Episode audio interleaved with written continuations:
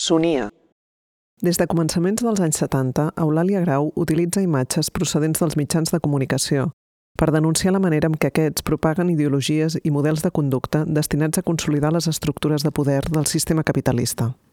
Els estereotips de gènere, les diferències de classe, l'explotació laboral i els diferents mecanismes de persuasió i repressió institucional són temes capdals en la seva obra.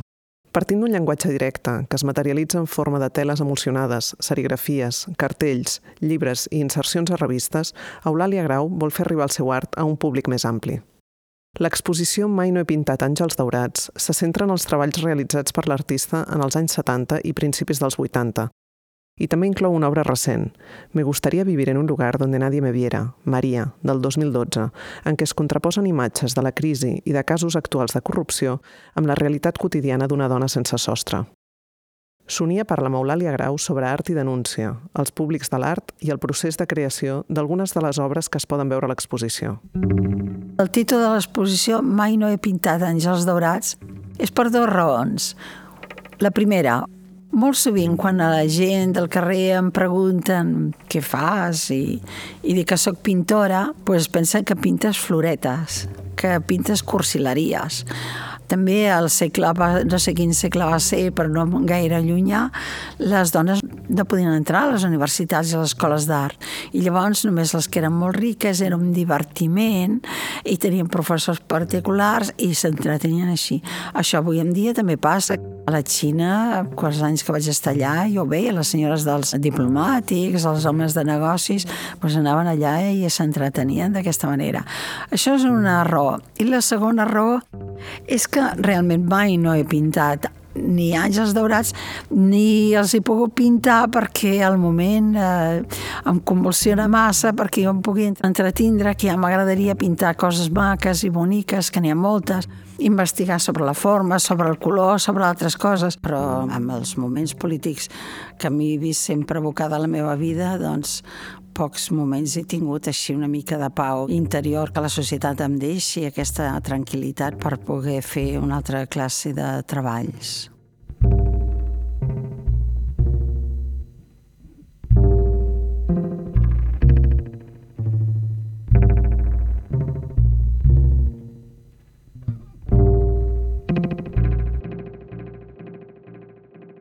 Retrats de la realitat circundant, del collage al Photoshop.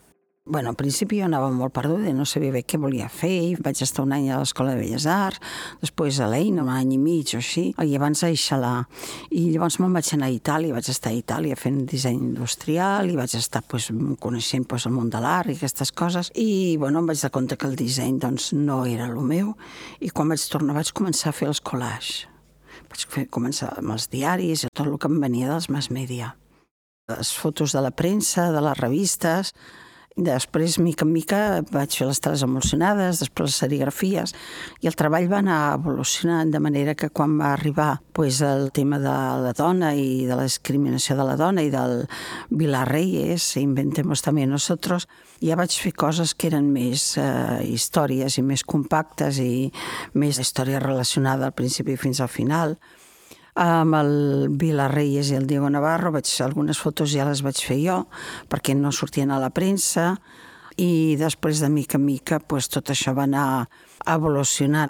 I després, bueno, com que vaig estar tots aquests anys a la Xina i allà pues, vaig deixar de treballar per la situació que hi havia, no perquè jo no tingués ganes de fer res, sinó perquè més aviat no podia.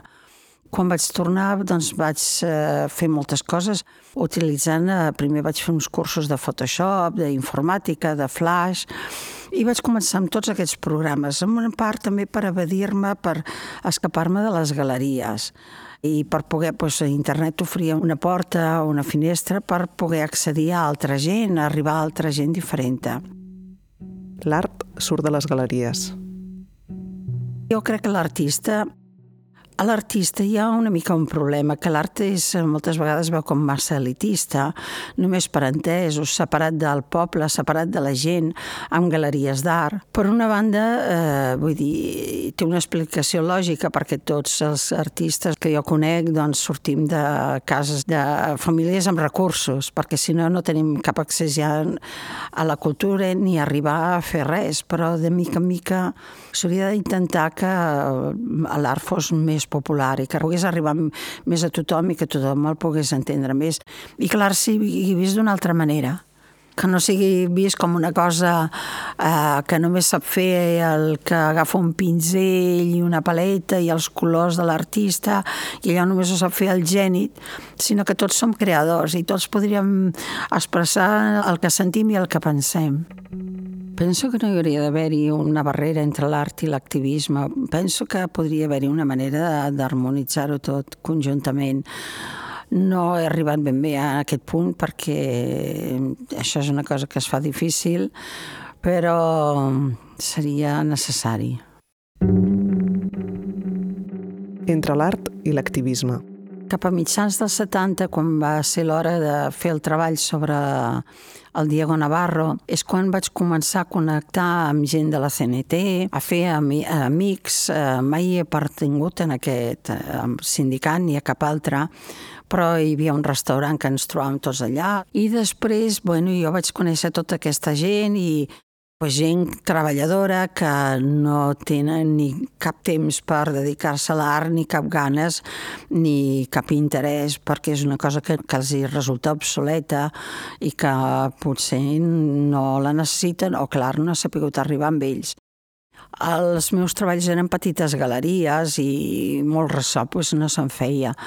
I ara pues, aquí amb el MACBA no sé fins a quin punt això afecti a polítics o a aquesta gent. Jo crec que també passaran d'això totalment, com passen de tot, vaja, perquè no els fa cap vergonya haver fet el que han fet i, i haver estafat, ni haver robat, ni, ni res de res. Mira el millet, Quin riure irònic que té cada vegada que ens mira per la televisió a nosaltres. Segurament que amb totes aquestes experiències, tots aquests anys, l'activisme també ha canviat molt. Ara la gent és més conscient i més gent que estan doncs, com els indignats, o ara tot a Barcelona hi ha un mínim de quatre manifestacions diàries. Vull dir, tothom s'està conscienciant més i està tenint més interès també per aquest tipus de treballs que abarquin també altres àmbits fora de, només de, de les manifestacions, que també arribin a l'art. I l'art també es preocupi i es posicioni a favor d'ells. El cost de la vida, capitalisme i repressió. El cost de la vida és un treball que vaig fer, em sembla que vaig estar-hi doncs, un any treballant-hi, i era tres models de societats. Per una, les societats eh, precapitalistes, diversos països del tercer món, mostrant de quina manera vivien, quins exèrcits tenien, quins sistemes de repressió tenien i quins sistemes de càstig tenien.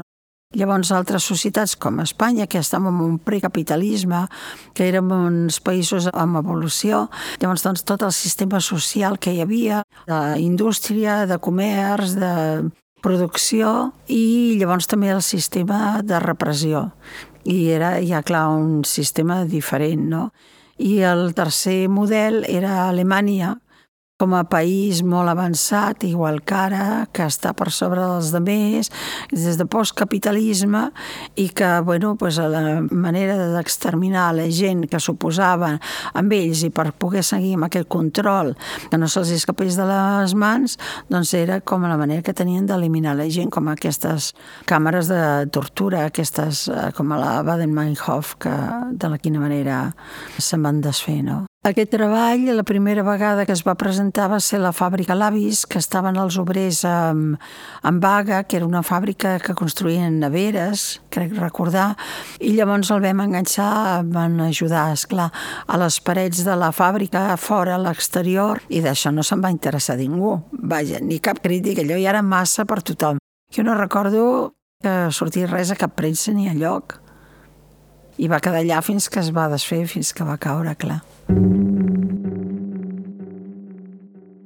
L'artista, quan fa una obra i pinta, es mira la paleta, es mira la seva la pinzellada, i són àlibis per sostreure's el que l'obra representa. Per exemple, a Murillo hi ha un nen que, pobre del carrer, que segurament dorm pel carrer o una barraca, que menja un tros de pa, però no es veu la pobresa del nen, perquè tu mires la pintura, la llum, com està allò, la preciositat del quadre. I llavors jo per evitar això he fet com el cost de la vida, que és un treball intencionadament horrible, perquè la gent no tingui àlibis per escapar-se i s'hagi de veure el que estic dient. Cancionero de los hombres verticales y de los hombres horizontales, un llibre inèdit.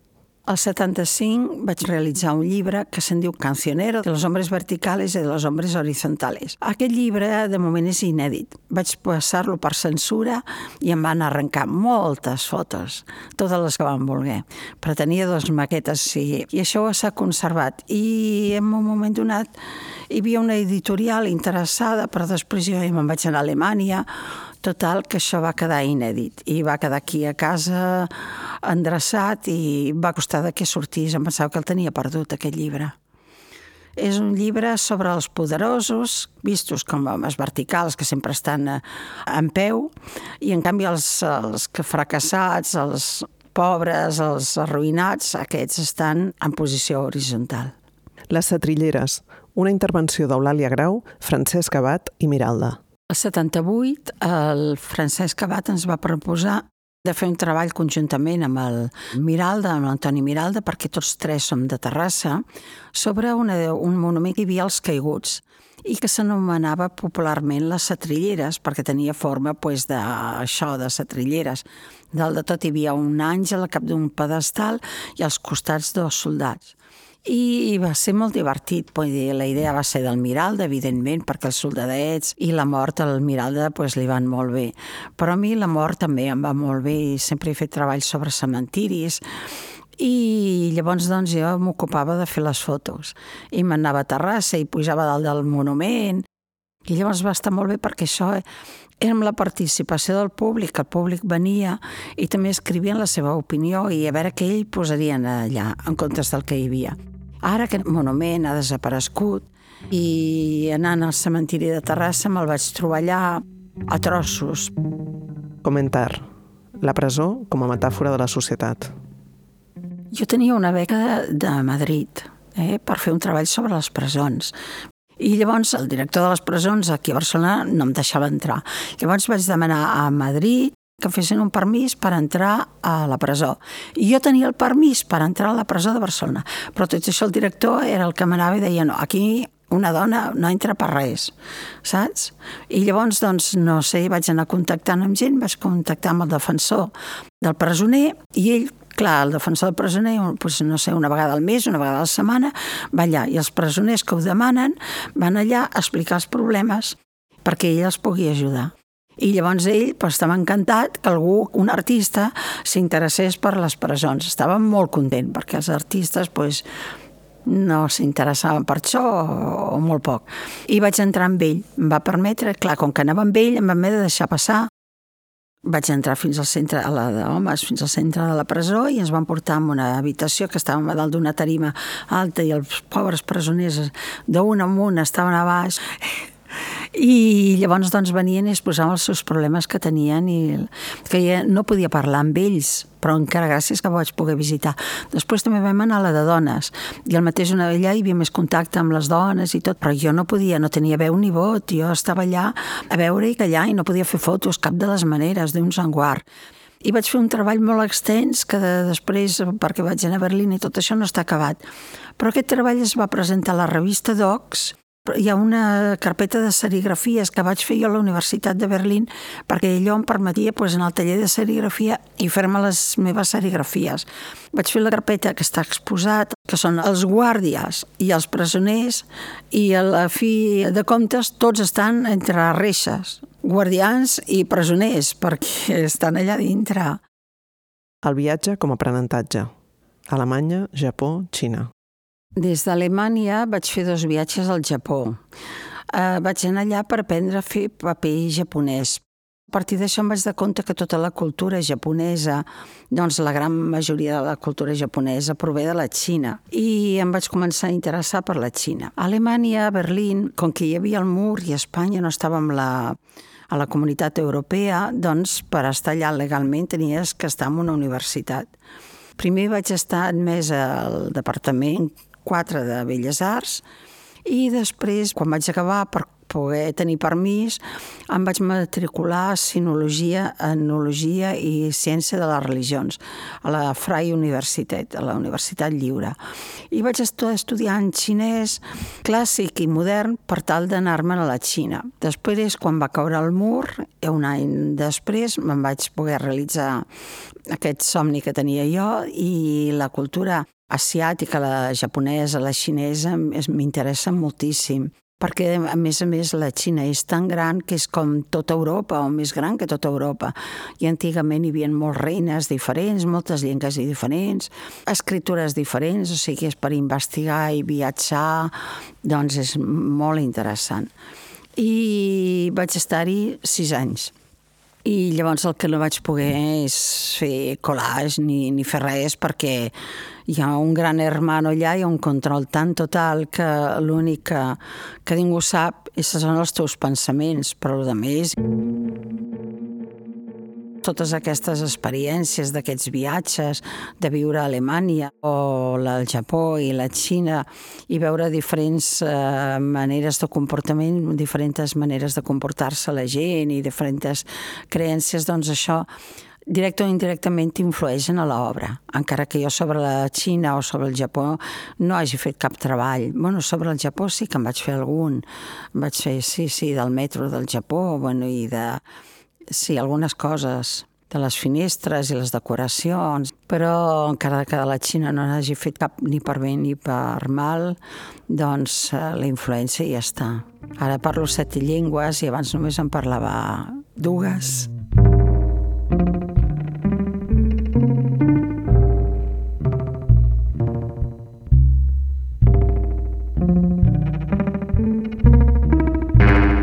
Gustaría vivir en un lugar donde nadie me viera.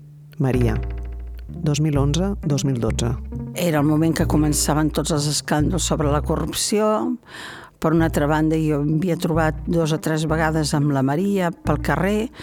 Em creia que ella tenia una vivenda, tenia un lloc per dormir, fins que un dia me la vaig veure un xanfrà de Rambla de Catalunya a la nit, tremolant de fred allà, esperant que es faci una mica fos per anar-se'n a dormir en un portal i llavors doncs al principi la meva idea era d'ajudar-la perquè trobés un lloc per dormir, perquè sortís del carrer vaig estar trucant i buscant per internet vaig, i finalment vaig anar a Arrels però ella no els deixa ni parlar, no deixava ni parlar. De fet, jo també un dia que em vaig apropar amb ella i vaig intentar pues, fer una mica d'amistat i li vaig dir buenas tardes, em va mirar i em va dir es que no tiene nada que hacer i a continuació ja no ho explico què em va dir.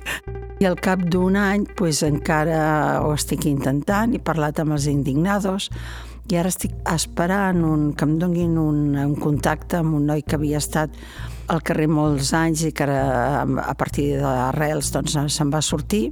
Crec que la relació amb la Maria està relacionada amb altres treballs que he fet amb anterioritat perquè el treball de Inventemos també nosaltres està el Diego Navarro, jo vaig anar a parlar amb la vídua i ella pel treball de vivendes doncs, em va explicar els problemes que tenia la casa, que no tenien aigua, que la tenien que anar a buscar. Amb l'altre treball de vivendes també vaig parlar amb uns nois que estaven tots en una mateixa casa dormint amb lliteres i amb estudiants que eh, amb pocs tenien recursos. És que jo crec que una de les coses, un problema de l'artista és que està massa tancat a la seva torre de marfil, massa tancat amb una galeria massa separat de la gent i del poble.